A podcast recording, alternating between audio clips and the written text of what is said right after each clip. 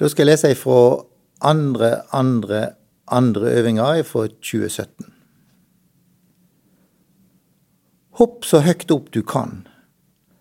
Tenk at du ikke er den som hopper opp, men at du er hoppet. Om du lander, tenk at du ikke er den som lander, men at du er landinga.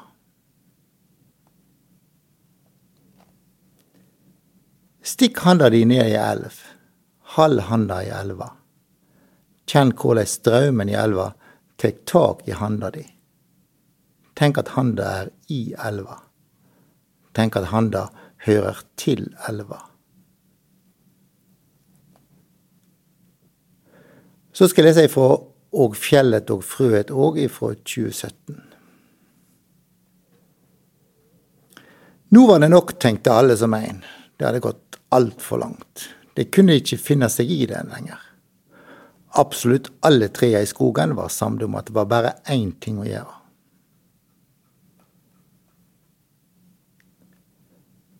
Elefanten forsto alltid det dyrepasseren fortalte. Dyrepasseren forsto ikke at elefanten alltid forsto det dyrepasseren fortalte.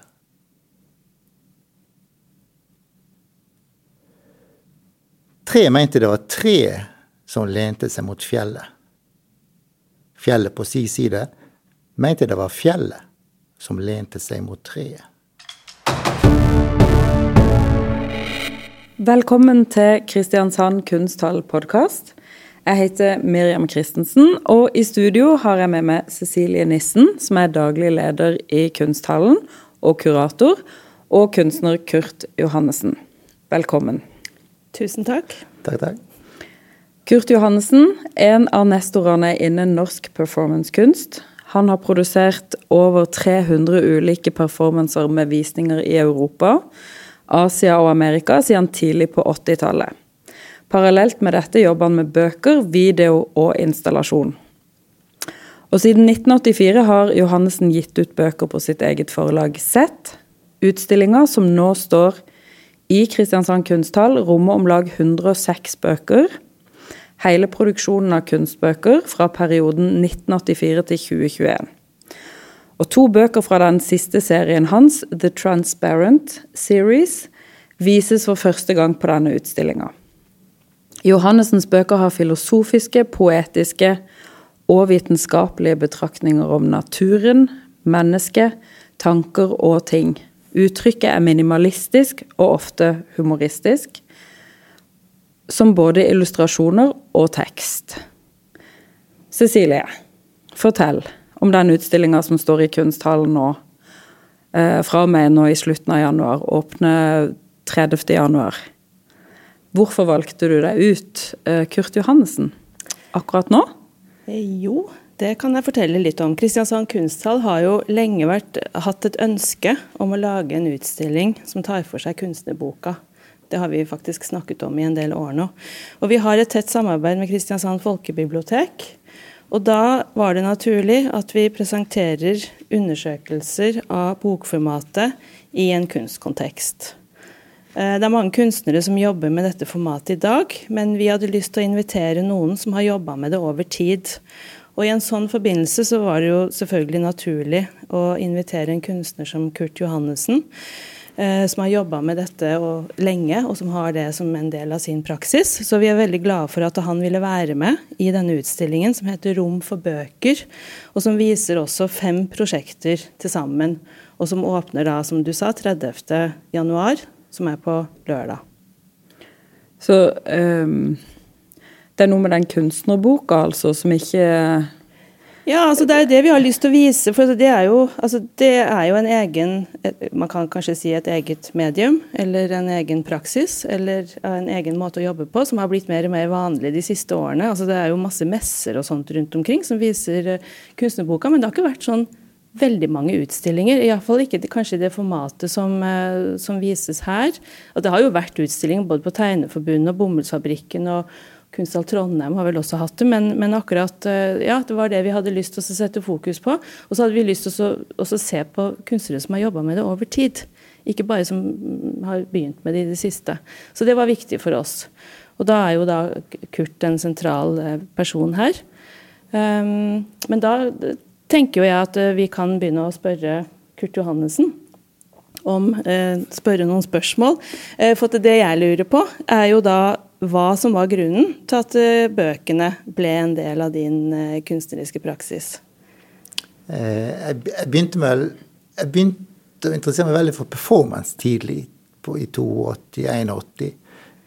og jobba litt med det. Og så la jeg òg noen små dokument, dokumentasjonsting av performance. Mm. Som jeg følte på en måte performance forsvant jo. Så jeg tok bilder av ting og lagde små greier omkring det, og skrev litt, husker jeg, og sånn. Så da ble jeg mer og mer interessert i bok litt gjennom det. For først å dokumentere, og så tenkte jeg at jeg kunne lage bøker som, som eget uttrykk, egentlig, da. Mm. Og så lagde jeg ei visuell bok først, og så ganske rett etter det så begynte jeg å jobbe med tekst. Egentlig òg, da. Så lagde jeg to bøker med, med enkle tekster. Ja, for Du har sagt at det er to bøker som har dannet grunnlaget for måten du arbeider på. 'Invisible Words' og 'Walking Frogs and Ghost Jokes'. Vil du beskrive på hvilken måte de har gjort det? Ja, da når jeg lagde dem, så la jeg noen veldig små tekster, eller korte tekster. Eh, og så ville jeg ha én tekst på hver side. For å liksom gi et stort tomt rom, så jeg på en måte kunne eh, visualisere den teksten. For når du leser en tekst, så lager en seg på en måte et bilde inni hodet. Sant? Så en tekst er 'A sheep without a hat'. Det er en av de tekstene der. Så når en leser den teksten, så det, var det rom liksom, for å visualisere det. Og, og det visuelle liksom, i tekster og sånt, korte tekster, det er noe som har fulgt meg hele veien. da. At jeg mm. lager en visuell situasjon, eller en situasjon på en eller annen måte. da. For det er litt sånn enten-eller. for Når jeg har gått gjennom alle bøkene dine, så er det jo noen bøker som bare inneholder noe visuelt, og så er det noen som bare ja. inneholder disse korte tekstene, som kanskje kan være helt ned til, til to ord. Ja. Og jeg tenkte at kanskje du har lyst til å beskrive et par av disse bøkene for lytterne. F.eks. den som heter 'Fairytale', eller 'Pust', som, som, jeg ble veldig fascinert av. Eh, kan du gjøre det? Ja, Beskrive et par av de? 'Fairytale' er en tidlig bok. I begynnelsen så la jeg bøker på engelsk. For jeg tenkte liksom eh, jeg vil ut i verden og gjøre det stort. Men eh, det, det ble jo ikke sånn. Eh, så da, etter ganske kjapt, så gikk jeg over til nynorsk, som på en måte ingen har lyst til å lese. så jeg gikk helt tilbake. Eh, og det var jo for så vidt greit. Og nynorsk er et veldig fin Veldig poetisk. Det, det er egentlig det den norske, min norske, da, på en måte. Eh, eh, og så Ja, Fairytale, det, det var en tidlig for 85. Og da, jeg, da fikk jeg en idé til ei bok som hadde én setning. Og så kunne jeg ha 20 illustrasjoner til den setningen. på en måte. Så jeg las en fortelling, eh, bare litt ett og to ord på hver side. Og så las jeg eh, de ordene inntil, med kull på lippene på et papir. Så jeg fikk avtrykk av munnbevegelsen eh, av de ordene som står i boka. Så du kan lese gjennom, så ser du på en måte bevegelsen av alle ordene. da. Og så eh, for sentralt i den boka er på en måte munnen i den fortellingen. Sånn da. Så jeg liker å, å lage ei bok for med én setning og 20 illustrasjoner. Og Pust, den andre boka, den er fra 2006. Da er det to setninger som går igjen gjennom hele boka. Sånn, det er bare, Du åpner opp, og så står det eh, det som hender medan du puster inn på ene sida, og så står det det som hender medan du puster ut på andre sida. Så blar du om, og så er det det samme igjen. de to setningene. Så den går gjennom, de setningene går gjennom hele boka. da. Mm. Men eh, ser du på, eh, på dette, altså disse bøkene dine som poesi, eller er det billedkunst, eller er det handlinger eller objekter? Ja eh, Det er jo bøker, så det er på en måte det objekt, sant, kan en si da. Jeg er jo billedkunstner, så, jeg, så det er jo billedkunst på en måte, da. sant? Eh, jeg, så, jeg, tenker ikke så mye på det, egentlig, sånn, hva det er sånn, da. Jeg vil prøve, Hvis jeg får ideer, så vil jeg prøve å finne en form på det. Så av og til blir det en performance, av og til blir det en bok, og av og til kan det bli flere ting. Sånn så Pust, den, den, den, de to tekstene er òg sandblåst inn på, på, et fjell der som jeg vokste opp på Dale. Mm. Så de fins eh, ute i naturen, på en måte. De to tekstene på det fjellet. Samtidig så de samler oss på eh, 14 steiner, altså sju par steiner, eh, fra det fjellet. Eh, og de steinene de reiste rundt i sju ulike heimer i sju år. For eksempel. Sånn at, for jeg tenkte da når jeg jobba med de to tekstene, så, så, så, var det så godt å ha med seg de tekstene i Å ha de i seg et helt år. Eller kjenne på det. Sant? For hele prosjektet tok lang tid da. For det, så var de på en måte viktige for meg. Da. Så jeg tenkte da kan jeg gi dem til andre òg et år. Og kjenne på det. De to tekstene. Hvordan var, altså, Hva slags respons fikk du på det? Jo, jeg fikk mye god respons på det. Og, og det ble fylt opp. Jeg, jeg sendte ut e-mailer til min e-mailliste, og folk kunne melde seg på. Ja. Så jeg prøvde å spre det ut av landet, og så, eh, eh, så folk, det fulgte seg ganske kjapt opp, den, de 49 plassene det var på da. Ja. Ja. Så det jeg tenker på, og, altså En kan jo finne rom å ha utstilling i. Eller en kan jo finne måter å, mm. å vise sine ting på. Det er ikke noe, En trenger ikke ha utstilling i galleri eller museum eller sånn. Sant? En kan finne Det er rom der overalt, egentlig, hvis en vil. Men eh, når begynte du å tenke sånn? Holdt jeg på å si. De fleste kunstnere forholder seg jo ganske sånn tydelig til et uh, rom, et galleri. Jo. Noen må se meg og vise jo, jo, mine ting fram, på en måte. Men du har liksom bare Ja, det, sant, når en er ung, og sånn, så, vil jeg, så jeg, må jeg liksom på en måte få vise og ut og sånn. Sant? Så jeg vil jo være med på alt. Og så husker jeg søkte veldig mye utstillinger. Men så får jeg jo nei på alt. sånn er det jo egentlig når du er ung. og, og sånn, og så, mm. så, går det litt tid, og så, så må en finne en må finne sine rom, da. Mm. Sant? Performance var ett rom, og bøker et annet rom å jobbe i. sant? Mm. Men var det mange som lagde bøker på den måten når du begynte med det? Nei, ikke da. Var det... Så alle bare klødde seg i huet og lurte på hva dette var, eller? Nei, jeg lagde da liksom Jeg lagde ikke så veldig mange bøker i begynnelsen. Men jeg hadde ikke noe studio, så tenkte jeg at jeg kan lage ei bok i året og gå litt konkurs på det. Siden jeg ikke har studio. så, så jobba jeg i ti år. Og så i, i 94 så la jeg en bok som plutselig solgte vilt mye. Ok, Hvilken bok var det? Den heter 'Øvinger'. Ja. Så den ble en slags sånn kultbok, på en måte. da. For de som ikke alle kjenner til den, da. Men uh, den er korte, små ting som en kan, kan gjøre, da. Hva tror du var grunnen til at den traff da? Den har jo litt sånn humor i seg, og en sånn enkelhet i seg og sånn, da. Og Ja, så det er lett å ta til seg. Mm. Sånn, da. Sånn så eh, eh, for eksempel følg etter en snigel en dag. Eh, grav et hull i skogen og skrik ned i det. Tett hull igjen. Eller snakk vennskapelig med alle sommerfugler du møter. Se neste dag om det er noe brev til deg.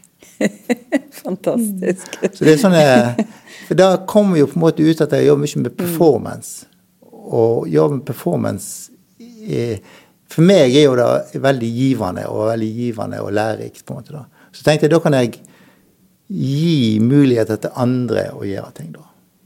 Og jeg vet mange som har gjort mange av de øvingene. da. Så du får sånn eh, effekt, sånn ja, ringvirkninger ja, ja, i, i, folks liv, faktisk? Jo, jo, noen tar de veldig til seg. Så den, eh, den, første er veldig populær, og så lager jeg, jeg lager fire i den serien. kan du si. For noe av det som er veldig fascinerende med, med ditt kunstnerskap, så er jo, er jo, tenker jeg, alle de her motsetningene og kontrastene som du var litt inne på nå. ikke sant? Altså At du kan jobbe med f.eks. det å ha samvær med et lite frø, veldig, veldig sånne små ting, til å f.eks. utforske hele verdensrommet. Ja, ja, ja. Eh, og så kan du, kan du si litt noe om hvordan du tenker rundt det? Jeg har jo på en måte alltid vært fascinert av verdensrommet, eller det enorme svære rommet. Eh, og så har performancene mine har på en måte blitt forsiktigere og forsiktigere, forsiktigere, roligere og roligere. Begynnelsen var veldig fysisk og voldsomt, og så er det blitt stillere og stillere. Og så jobber jeg mye med frø og støv og sånne ubetydelige ting. Nei, ikke frø. Flåge og, og støv og sånt. Som liksom, har ingen verdi. Død flåge har liksom ingen verdi. Så jeg liksom gjør mye med å ta de små tingene fram. For eksempel i 2009 så sto jeg foran Jostedalsbreen med ei død flåge i hånda. Som en performance. Så sto jeg der en times tid og bare holdt den døde flåga foran den store Jostedalsbreen. på en måte da. For å kjenne liksom på det store og det lille. eller det er noe fascinerende det, og samtidig er det noe likt sant, med atom og verdensrom. Det er liksom det samme prosjektet, på en måte. Mm. Hvordan tingene så, så jeg ser på en måte en slags likhet i det. Og at de er knytt, på en måte. sant? Mm. Jeg er mer, merker I det siste så er jeg mer og mer opptatt av de, de, de små tingene, liksom. Ja. Og jobber mer med det skjøre og det eh, forsvinnende, på en måte. Ja, for det, det ser man jo i, altså, i, den utstillingen. Den er jo nesten litt sånn kronologisk. Eller altså du, du ja, begynner jo ikke sant, på 1984 med disse tegningene som faktisk var her. I, ja. i Kristiansand kunstforening. Og eh, det er fotografier av de. Performance-prosjektet. Ja, det er performance-prosjektet. Men det er også tegning, tegning og performance. Ja, ja, ja. Og det har jo et litt mer voldsomt uttrykk enn det siste du gjør. Med de skjøre eh, stråene. Ja, ja. Som du har tatt bilde av. Ja, det er veldig Det, det rår seg veldig, på en måte, nå. Ja. Egentlig, da. Så jeg er nok mer roligere nå i alt, alt jeg gjør, da. Mm. Men jeg har sånn så i den siste serien med de stråene og sånn, så vil det òg komme noen galakser og sånt inn i det prosjektet, da. Etter hvert. Ja. Mm. Men det å Unnskyld. Men det å gjøre sånne uh, performancer uh, som er De er jo tidkrevende, da. Uh, ikke bare å gjennomføre de, men også det tankearbeidet som ligger i forkant. Er det, er det en sånn slags måte å leve på? Og er det en sånn livspraksis, det? Å lage performance? Jo, jo jeg syns kunst er mer en måte å leve på enn det å leve av, på en måte. da, selv. Samtidig så, når en jobber mye, så bringer det inn droner og sånt. Da, altså en får muligheter og, og sånt. Mm. Men det, det, det, er primært noe å leve, leve i eller leve for, kjenner jeg sånn. da. Og, og finne ut ting, da. Så jeg, vil, jeg tenker mye på det å prøve å gå inn i noe en ikke veit helt hele tida. Gå inn i nye rom og prøve å finne noe noe mer som en ikke helt veit. Ja. for jeg tenker Det er jo på en måte å åpne noen sånne andre rom, da. Veldig mange av de her tingene dine er jo så veldig filosofiske. Um, altså åpner opp litt sånn større rom, da, enn det vi ja, er kanskje ja. vant til. Både i poesien også, egentlig. Jo, jo, jo. jo, eh, og ja, i van, vanlig, hvis det går an å si det, skjønnlitteratur. Ja. Hvis en leser bøkene dine, da. Jo da, jeg bruker jo på en måte filosofi, eller stiller spørsmål omkring ting i, i mye tekster og sånn, da. Leker på en måte med, med, store spørsmål, på et vis, da. Eh, også, og, en ting jeg har vært veldig opptatt av å, å gjøre erfaring gjennom handling eller gjennom det å lage kunst. At erfaringen er i dag, på en måte. da. At jeg ikke nødvendigvis leser meg opp på noe, eller noe veldig sånn teoretisk, men at jeg går inn i noe, og så finne noe i det. Så kan det heller, så ser jeg linker til andre ting etterpå, mer enn, å, mer enn at en staker ut veien sjøl, på en måte, men lar bevegelsen, min bevegelse, finner veien, på en måte. Da. Du brukte jo ordet lek. Jo, jo, lek er viktig, ja. da. Ja. Det er jo også et element i kunstnerskapet ditt, dette her med humor. Ja. Det er det jo mye av. Ja, jeg føler det er veldig godt å ja. bruke humor. Ikke sant? Og eh, du har f.eks. laget et helt vilt prosjekt, syns jeg, da, eller kanskje syns mange, som heter Fotball med mer, ja. som du forklarte meg og viste meg i går, som er presentert her i utstillingen. Kan ikke ja. du si litt om, eh, om, det prosjektet, for det er gøy? Ja. Eh, det begynte med at jeg fikk invitasjon til å skrive en tekst for et, en katalog for en utstilling på Manchester som skulle være i Bergen. Og jeg kan ikke egentlig skrive liksom sånne ting, da. I hele tatt.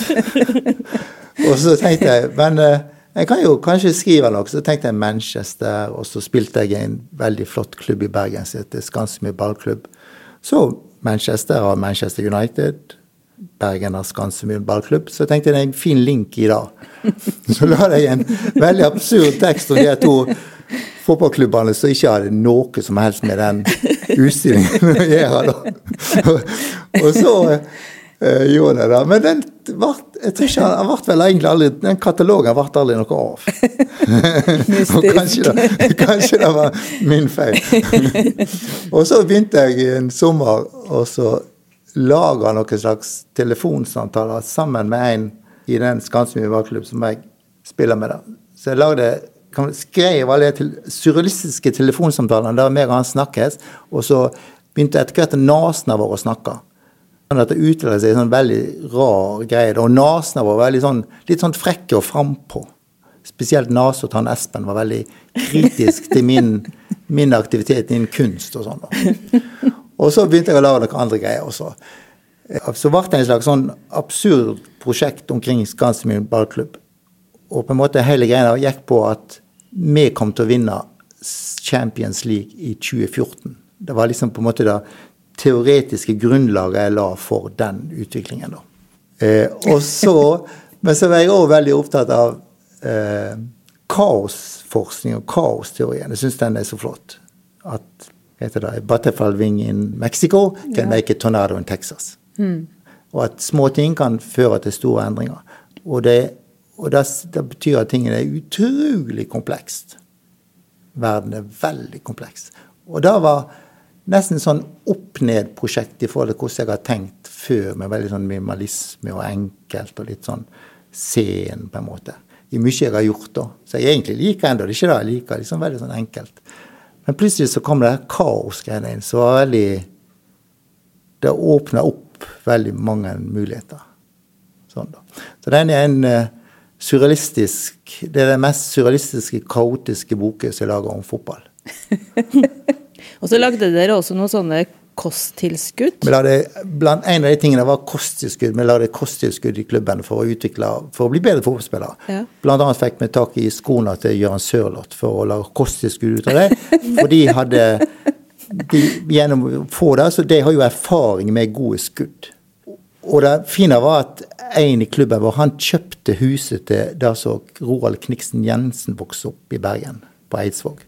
Så vi hadde tilgang til gresset som Kniksen hadde løpt på. Som sitter òg inne med utrolig mye verdifull informasjon om Kniksen sine bevegelser. Dette er jo helt sånn revolusjonerende tenkning i forhold til kunnskapsoverføring og mm -hmm. jo, jo, sånn talentutvikling. talentutvikling. Og... Det er veldig rart at ikke det har blitt brukt mer. Ja, for så vidt. Så, men uh, Av en eller annen mystisk grunn så vant vi ikke Champions League, da. Er det så rart? Selv om vi hadde alt dette her på plass. Mm. Så når vi, når vi, lurer på hva som inspirerer deg, så kan egentlig svaret på det være nesten hva som helst, eller alt, ja. eller Ja. Så vidt, egentlig, da. jeg er veldig glad i fotball, så det er naturlig for meg å gå inn i det, da. Ja, For du har jo trukket noen paralleller mellom fotball og performance? Ja, det er veldig mange likhetstrekk. Jeg skjønte etter mange år at jeg eh, tenkte jeg, hvorfor jeg begynte med performance og sånn. Og så skjønte jeg at det er jo selvsagt fordi at jeg var så gira fotballspiller da jeg var ung. Og at jeg vil jo egentlig bli, bli profesjonell fotballspiller. Alt det der. Eh, og det er veldig likt. Det er liksom du må eh, Du har en sett regler, på en måte, i performance og i fotball. Og så må du være fysisk til stede, og du må være mentalt til stede i den situasjonen din. Og det er helt likt for begge deler. Både fotball og performance. Fotball, nei, performance er mye mer åpnere i sitt uttrykk enn fotball. Har litt, strammere regler. Litt mer gjentagende, kanskje, litt, form på det. Men, fotball er en del, ja. Mer, ja. ja litt, litt, mer sånn, litt mindre område de kan jobbe på. Performance er mye mer Det er ikke noen regler, egentlig. sånn. Du er ganske fri. Du setter du... de reglene sjøl? Ja, på mm. mange måter. da. Ja, Gjør du det i arbeidet ditt? At du setter deg noen regler noen ganger når du jobber fram et prosjekt? I, jo, på en måte. Eller reglene lager seg litt, kan du si. da. Mm.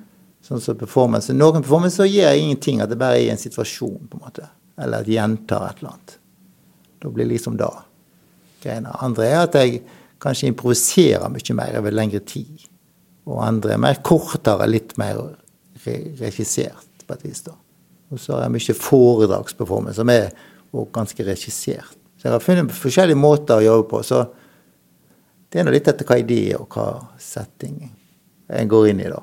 Men uh, hvordan ser din arbeidshverdag ut, da? Hva, hva, er det første som skjer når du står opp om morgenen? er, det, er, det, skriving? Er det en uh, Det er frokost. Ut, det er frokost, ja. Godt å høre. igjen. du lever ikke bare av liksom uh, filosofisk uh, luftige tanker og fotball.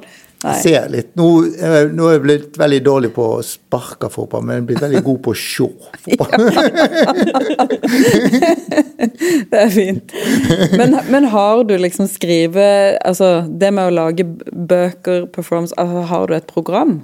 da? Når du, når du står opp, vet du hva du skal jobbe med den dagen? Eh, det er litt forskjellig ettersom. Jeg liker å ha litt sånne ting som på en måte der jeg ikke trenger å tenke så mye òg. Mm. Sånn så, Sånn som nå, er, nå når det er korona, så har jeg skanna mye negative og sånn.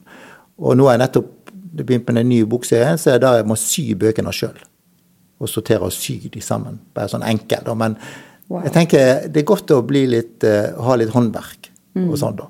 Og så av og til så prøver jeg å skrive litt, eller hvis det dukker noe opp, så Men akkurat sånn skriveting, det er ikke så det er ikke så lenge jeg klarer å sitte liksom og prøve å trykke ut noe. Det, jeg prøver ikke å trykke så mye. Det er mer at jeg liksom, jeg kommer litt inn i det. og sånn da. Mm. Så det er godt å ha håndarbeid. Tenk deg på at eh, kanskje en, liksom, pga. korona så, så endrer en seg fra kunstner til kunsthåndverker. Ja, ikke sant? Bare sklir inn. Helt umerkelig glir over. Helt umerkelig. Plutselig så driver jeg der og strikker eller et eller annet. Korsstingsbroderi. Ja, alt av Full pakke. Men det er ikke ja. Jeg bare tenkte på dine eh, tekster og alt. Det, det, er veldig sånn åpent, ikke sant. Det er ganske sånn åpent rom å komme inn i. Så jeg lurte vel egentlig litt på om din arbeidshverdag også var veldig åpen, da.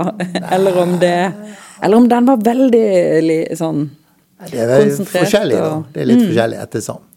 Sånn så jeg skriver sånne korte tekster er litt sånn ukontrollert, og så samler jeg av og til til at det blir ei bok. Og til noen bøker har et type system, da, at sånn så ei bok som heter 'Jeg er', da begynner alle setningene på 'jeg er', og så er det bare en setning hver side.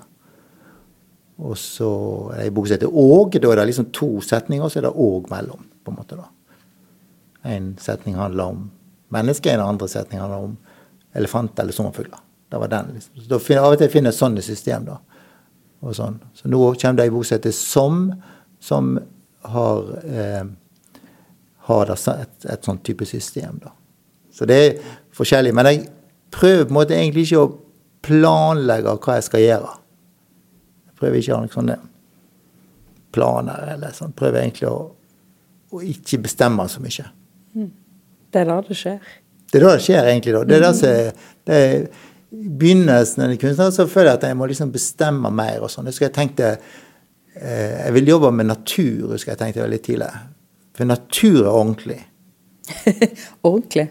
Ja, det er liksom Det fins? Det fins, og det er liksom, det driver på med sitt. på et, Det er et stødig prosjekt, på en måte. da. Sant? Mens alt vaskemaskiner og bord og kopper, alt det andre som vi har, det, det har en annen greie, da, liksom. Tenker jeg. At er, vår kultur er liksom en annen greie. da, men Naturen er liksom Men nå, jeg, nå tenker jeg ikke så mye sånn, da, men, men, men, sånn tenkte jeg da. Men jeg har liksom holdt meg Jeg får næring for natur, på en måte, da mye. Og litt fotball, da, som, som er på en måte en eh, konsekvens av naturen. Men så når du har laget alt dette, da, så presenterer du det jo for et publikum. Ja. Eh, og hva, hva slags eh, rolle spiller de for deg?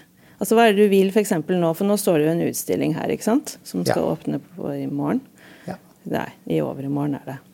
Og når, hva, hva, hva, tenker du at når de kommer inn i det rommet, hva er det du Jeg håper de vil lese litt, se litt på teksten som kommer på veggen, og bla litt i bøker. Og, så, og, sette seg ned litt, kanskje, og se litt og sånn. Og så Det beste er jo hvis de har lyst til å komme tilbake igjen sant, og se mer. Har, jo, de får jo på en måte Det er jo alle bøkene jeg har gjort, og alle tekster og sånn. eh, så viser jeg en del tekster på vei. sant? Jeg tror den, den går i loop. Så jeg tror han var i fire eller seks timer, liksom, med tekst, på en måte, da, som går. Så du kan liksom Det er veldig mye, egentlig. da, Det er stort materiale, da. Så, så en, de må gjerne komme igjen. Det er veldig fint hvis de vil da. da. Tenker du noen ganger på hvordan ting blir mottatt når du lager det? Eller er det ikke noe du bryr deg noe særlig om? Jeg tenker eh, hvordan jeg vil folk skal gå inn i tingene. Altså hvis jeg lager en installasjon eller performance og sånn, og bok for den saks skyld, hvordan de skal liksom Men jeg, jeg, eh, jeg, er opptatt, jeg er ikke opptatt av hva folk syns og ikke syns og alt sånne ting. da. De liker. Det er jo kjekt når folk liker ting, det er ikke det. Men det er ikke så viktig da sånn, da. Jeg lager på en måte ting for meg sjøl, ting som jeg synes om sjøl. Jeg tenker Hvis jeg synes om det sjøl, så er det kanskje noen andre som synes om det. sant? En kan ikke prøve å lage noe som en tror andre synes om. Nei, for man må jo ha en drivkraft selv Ja, ja, altså for å ville ja. gjennomføre det. Ja. Det er viktig å finne det en sjøl vil, og ikke tenke på publikum, på en måte. Om folk liker det eller ikke liker det. Det er ikke så nøye, da. Så jeg er så heldig at jeg har fått gjort alt dette her, da. Og fått laga de tingene. Sånn som jeg laga den boka om, om pust. Den pust som heter da, med de to setningene. Jeg, vet, jeg husker ikke sist jeg solgte en av de bøkene. da, sant? Det selger jo ikke noe særlig, da. For meg så er det viktig å lage den boka, da. Selv om jeg vet jo at når jeg lager den, så taper jeg en 10 12 13 14 15 000. Sant? Men, eh, men likevel. Det er veldig kjekt å kunne få gjøre det. da. Men, eh, men hvordan Altså, selger du bøker? Altså, kan du Jo da, jeg- leve av dette på et vis? Jeg er litt sånn potet, på en måte. Da, så jeg gjør så mye. Litt performance, litt foredrag og litt Har litt utsmykningsoppdrag i det siste. og sånn. På grunnlag av en del tekster, f.eks., som jeg bruker i utsmykning. Sånn sett så tjener jeg, tjener jeg OK. Eh, og bøker tenker jeg litt sånn at noen bøker eh, Det er litt sånn at nå vet en noen bøker kan jeg tjene litt penger på, kanskje. hvis jeg, Noen kan jeg få innkjøp på, hvis jeg er ærlig. Og, men de fleste taper jeg penger på, da. Men jeg tenker sånn at det er viktig at de prosjektene som en tjener penger på, er med på å hjelpe de prosjektene som en ikke tjener penger på. Og så kan vel kanskje noen av de prosjektene du ikke tjener penger på, være med på nye prosjekter som du Ja, tjener penger på? Ja, sånne ting. Jeg må ikke tenke for mye kommersielt, tenker jeg. Det er viktig å prøve å lage tingene på den måten en vil det skal være. sant? Og verden er jo mer sånn at en tenker liksom hele tida Hva tjener en penger på, hva tjener en ikke penger på? Og så ta, skviser det inn veldig mange områder der de ikke tjener penger. Istedenfor å se hva som er lurt å gjøre, på en måte. Hva som er viktig for en bedrift, eller hva som helst. Kanskje det er lurt å tape mye penger på et eller annet område. Totalt sett. sant? Isteden så er verden blitt mye mer sånn eh, De skviser inn til beinet da og skal alltid tjene mer, på en måte. da. Og sånn er det jo litt nå. Sånn er Kanskje. det litt nå. Ja. Verden er litt sånn nå. Ja, sant? At det blir litt enten-eller. Ja. Og det er jo litt det man diskuterer i kunstverdenen også. Altså man diskuterer det veldig sånn at det er enten-eller. Altså Enten så har du offentlig støtte, eller så tjener du penger kommersielt. Men mellom der så er det jo et kjemperom, altså som de fleste jobber innenfor. Ja, ja. I større eller mindre grad, da. Jo, jo, jo. sant. Det er ikke så nøye hvordan, Som kunstner tenker jeg det er ikke så nøye hvordan du får pengene inn, om du selger mye, eller om du får støtte. eller... Det er ikke noe å si sånn. Det er viktig å få gjort de tingene en vil gjøre, da, på en måte. Ja. tenker jeg. For sin, e- for, for den, for, for sin egen bevegelse sånn, i kunsten, på en måte. Jeg tror jo verden har mye å lære av det, på en måte. Da. Den tankegangen. Istedenfor bare å se på hva som lønner seg, liksom. Sant? For da Spørsmålet er ikke hva som lønner seg. Spørsmålet er hele tiden hva som Hva er lurt å gjøre nå? Det er det eneste spørsmålet som som en trenger, egentlig. Om det lønner seg og ikke lønner seg, det har ingenting å si. Hva er lurt å gjøre nå? Det er altså spørsmålet, egentlig. Men opplever du at den tankegangen som du på en måte har hatt gjennom hele ditt kunstnerskap, da eh, Altså hvordan har holdninga til din praksis endra seg, eller har den endra seg, da? Eh, det at ting skal være så lønnsomt nå, gjør det at eh, du har blitt en kjemperar kunstner fordi du ikke er opptatt av dette? Oh, nei, nei, nei, Eller er det liksom fremdeles på en måte gangbart da i, i kunstens verden? Altså, jeg, jeg, tror at jeg har, på av at jeg har tenkt det, så har jeg tjent mye penger. Ja, for du har holdt din, ja, da, din vei, liksom? Ja, for da blir det noe som noen vil ha på en måte da, og så fører det til noe. på en måte da. Hvis en skal liksom sikle etter Eller bare gå for det som jeg tjener penger på, så har ikke jeg utvikla meg på den måten som jeg har gjort. da. Helt sikkert. Og da har ikke en fått de mulighetene. på en måte da. Det er jo et fint budskap til unge kunstnere i dag. Jo, jeg tror nok det må passe Det er viktig da egentlig å kjenne på sin egen vei, på en måte. da. Ja. Istedenfor å eh, kaste seg etter jubel eller et eller annet nødvendigvis. Eller det kommersgreiene, da. sant? Eller det ofte åtgaum, eller hva skal at du får stor jubel når du er ung, det kan være veldig dumt.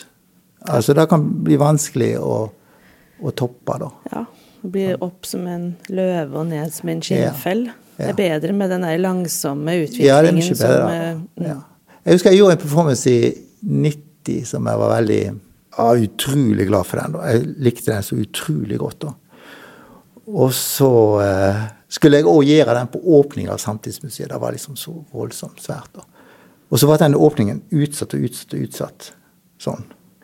Så merka jeg at jeg kom, jeg kom meg ikke videre. Og selv etter det å åpne og alt, og sånt, så var det utrolig vanskelig å komme seg videre. For jeg var så utrolig godt fornøyd med den performancen. Og så skjønte jeg på en måte at jeg måtte slutte å tenke på det. da. Og ikke være så opptatt av hvor bra ting er. sånn. At du heller bare holder på. For hvis jeg liksom eh, vurderer seg sjøl for mye i en kreativ prosess, så, så dreper en noe. Hvis en hele tida må lage noe som en tror bedre, så dreper en bevegelsen. på en måte da. Eh, så når jeg klarte å slippe den tanken, da var det liksom det løsna. Da klarte jeg å gå videre. Og da, For en lager ikke sånn som jeg kan tenke jeg vet ikke, seks, sju, åtte verk som en føler en, så en pusher veldig mye. Sant? i løpet av 40 år, egentlig. Og så gjør en mange ting som er, er, er resultat av de forskjellige store bevegelsene. Mm. Og så er det viktig å holde på med dem. Kjenner det liksom ei stor bølge av og til. Ja. Men jeg vet aldri når den kommer. Hva som vokser seg fram ja, til noe større, liksom. Til noe større, mm. for eksempel. Sånn som den fotballprosjektet mitt følte jeg da Det pusher meg utrolig langt fram. da. Men jeg har ikke visst det liksom, før lenge etterpå jeg har gjort det.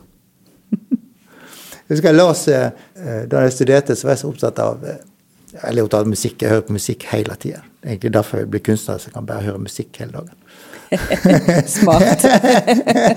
og så er jeg veldig opptatt av sånn prog-rock og King Crimson og sånn da på 70-80-tallet. Og så og han gitaristen i King Crimson, han var så Han forsvant litt ut av alt. Og få han inn i en sånn det var en sånn lærer eller et eller annet. Da. Og en som etter Gurdjef, ikke gurdjef, en russer. Men så er det noen sånne elever av han som på en måte det går an å lese. Det er litt forståelig, da. Og så er det han som, han som, underviser eh, han, Robert Fripp i, King Grimson, han heter eh, Bennett. Bennett. Han har laga en utrolig fin bok som heter How We Do Things. Men en av de tingene de sier, det er at mennesket har liksom fire energier. Og det ene er det fysiske, at en er fysisk, en kan liksom gjøre ting. Og så er det følelser som energi. Og så er det intellekt. Og så er det intuisjon. Og i Vesten så er på en måte intellektet det som på en måte blir veldig viktig. da. Intuisjon er på en måte det kreative og kunstneriske og sånn. da. Så ikke er intellektet på en måte. Så er noe annet. da. Eh, intellektet er mer å forstå og sånn, men det kreative er mer på en måte å ta inn ting på en litt annen måte. da. Så det er viktig å skille de to tingene. Det, å forstå er en ting, men det å, å være en kreativ bevegelse er noe annet. på en måte. Da. For oss er det lett at liksom, å forstå liksom, det hele greia. Da er det viktige. Men det er ikke så nøye, egentlig. Det kommer, da. Det er jo veldig lite vi egentlig kan forstå. Ja, egentlig. sant? Så hvorfor skal vi være så fryktelig mm. opptatt av det? da? Men det er, en, det er en undring i den eh, tilnærminga, da? Jo, det er viktig med den mm. undringen. Sånn, da. I, i, ja. Så det er nok akkurat det å dele den energien og prøve å bruke den riktige energien i forhold til et eller annet, hva du skal. Av og til må du være intellekt og på en måte forstå og skjønne og lese og sånn. Av og til må en føle litt, eller av og til må en sant? Det, Være litt obs på at det er forskjellige greier. da. At ikke du banker kornet ditt på det for noe du ikke forstår. Sant? Det er jo helt sånn tydelig feil energi på et problem. sånn. ja. Men eh, jeg tenker på det du har sagt, da. Altså, hvordan ser du på dette altså på kunstfeltet i dag? Altså, eh, altså jeg, tenker også tilbake til det med bøker. ikke sant? For den utstillingen her da, som vi skal åpne på lørdag, den handler jo om, eh, om kunstnerboka. Og eh, i dag så er det jo mange kunstnere som jobber med veldig forskjellige ting, egentlig. Altså, og annet bøker. Ja, ja. Så jeg lurte litt på hvordan du plasserer deg selv i det dagens kunstlandskap. Altså kanskje både i lys av det du nettopp sa, men også med tanke på, på den utstillingen som vi åpner nå, og hva kunstnerboka er for noe. Oi. jeg vet ikke helt uh, hvor jeg Jeg tenker ikke så mye på hvor jeg plasserer meg sjøl sånn, egentlig. Jeg driver liksom på en måte være på. Og, og vil skape og lage ting. Og, og, og kjenne på de nye tingene jeg lager, og se hvor det fører meg. Og sånn, egentlig, da. Men går du går på utstillinger og sånt? Altså du Jeg merker det, det går mi, mindre og mindre, Ja. egentlig, da. jeg, tror ikke det blir Ser litt sånn mer fotballkamp Jeg er mer på og går fotball, egentlig. mindre på utstilling. Ja. Sånn, for det kanskje, eller Jeg har så mye i hodet mitt at jeg klarer liksom ikke å ta inn så mye mer enn fotball. liksom. Det er enkelt og greit. Og, Ja. sånn, Når jeg skal liksom, eller serie eller film eller sånn. Og så liker jeg helst å bruke hodet mitt for mine egne greier. da. Ja. Det er ikke det at jeg ikke liker kunst og sånn, altså. Jeg liker jo ting og se ting og sånn, da.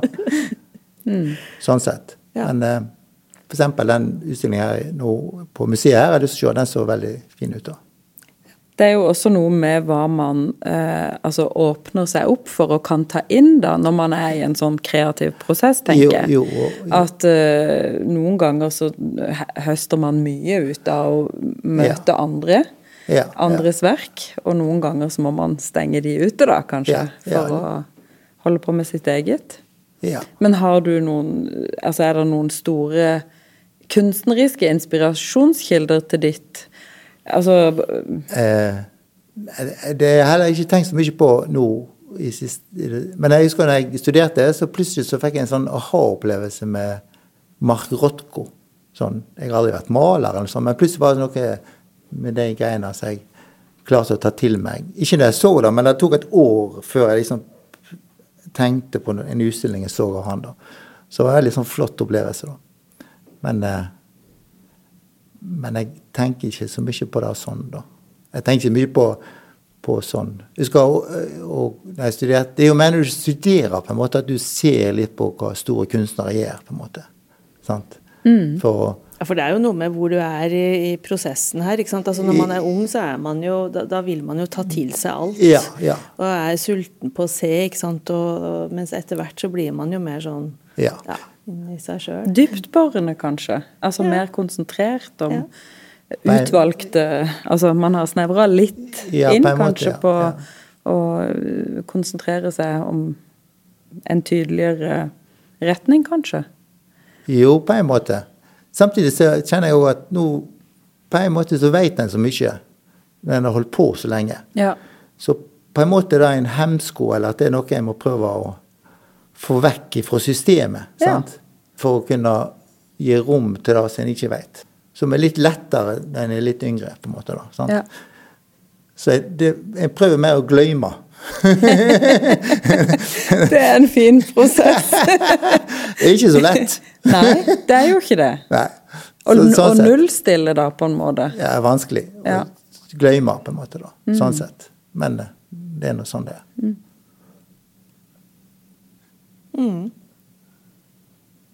Da sier vi tusen takk til deg, Kurt Johannessen og Cecilie Nissen. Eh, nå åpner denne utstillinga Rom for bøker eh, i Kristiansand kunsthall lørdag 30. januar. Det er ingen offisiell åpning, men åpne dører fra klokka tolv. Og denne utstillinga, hvor lenge blir den stående, Cecilie? Ja, den står til midten av mars. Velkommen, kan vi si da. Velkommen.